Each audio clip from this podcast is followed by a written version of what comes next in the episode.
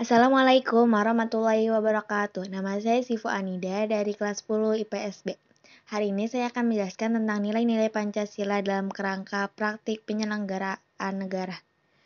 Sistem pembagian kekuasaan Indonesia. Eh, pertama, kita akan membahas tentang sistem pembagian kekuasaan Indonesia. Pembagian kekuasaan ini adalah untuk mencegah tindakan sewenang-wenang atau penyalahgunaan kekuasaan dan mengoptimalkan kinerja suatu pemerintah agar menciptakan kepentingan umum bagi kesejahteraan masyarakat. Pembagian kekuasaan sendiri dibagi menjadi dua, yaitu ada sejak horizontal atau sejajar seperti presiden dan DPR, vertikal atau atas ke bawah seperti DPD, DPR, dan MPR. Uh, pembagian kekuasaan pemerintahan dibagi menjadi tiga lagi tuh uh, ada eksekutif yaitu menjalankan kekuasaan undang-undang dasar seperti presiden, wakil, menteri, legislatif kekuasaan untuk membuat undang-undang seperti MPR, DPR, DPD, yudikatif kekuasaan menggadili pengelanggaran undang-undang seperti MK, MA, dan KY. Setiap pemerintahan memiliki kekuasaannya masing-masing, tapi mereka semua saling mempengaruhi. Kedua, kita akan bahas tentang kedudukan serta fungsi kementerian dan lembaga pemerintah non-kementerian. Kementerian Negara Republik Indonesia adalah lembaga pembantu pelaksana tugas Presiden. Menteri dipilih dan diberhentikan oleh Presiden sebagai mana kewenangannya. Yang pertama ada kementerian yang menangani urusan pemerintah yang nomenklatur seperti yang disebutkan di Undang-Undang Dasar NRI tahun 1945 meliputi kementerian dalam negeri, luar negeri, dan pertahanan.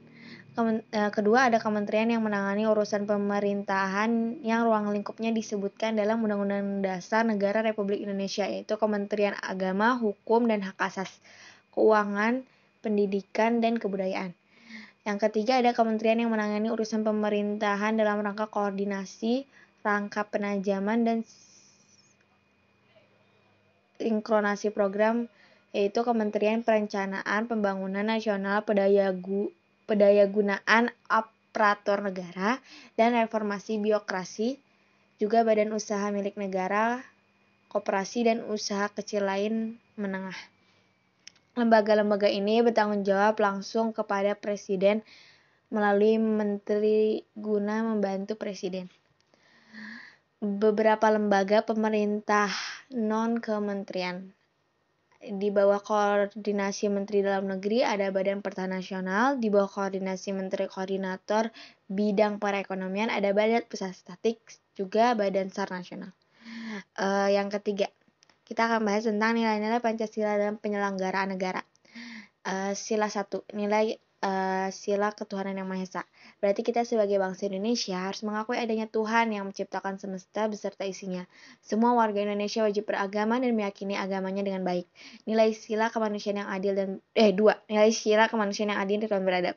Sila ini mengandung nilai kesamaan derajat maupun kewajiban dan hak cipta cinta mencintai, hormat menghormati, keberanian membela kebenaran dan keadilan, toleransi, juga gotong royong. Tiga, nilai sila persatuan Indonesia. Menempatkan persatuan, kesatuan, kepentingan, dan keselamatan bangsa dan negara di atas kepentingan pribadi atau golongan. Rela berkorban menjunjung tinggi nasionalisme. Empat, nilai sila kerakyatan yang dipimpin oleh hikmat kebijaksanaan permusyawaratan dalam permusyawaratan perwakilan menunjukkan bahwa Indonesia adalah negara demonstrasi, pemerintah terselenggara karena rakyat dan untuk rakyat, kejujuran dalam mengambil keputusan bersama, dan diskusi yang baik secara umum dan demokrasi. 5. Nilai sila keadilan bagi seluruh rakyat Indonesia. Sila keadilan sosial bagi seluruh rakyat Indonesia dalam ini adalah dalam wujud pelaksanaan bahwa setiap warga harus mengembangkan sikap adil terhadap sesama, menjaga keseimbangan, keserasian, keselarasan antara hak dan kewajiban serta menghormati hak hak orang lain. Sekian dari saya. Wassalamualaikum warahmatullahi wabarakatuh.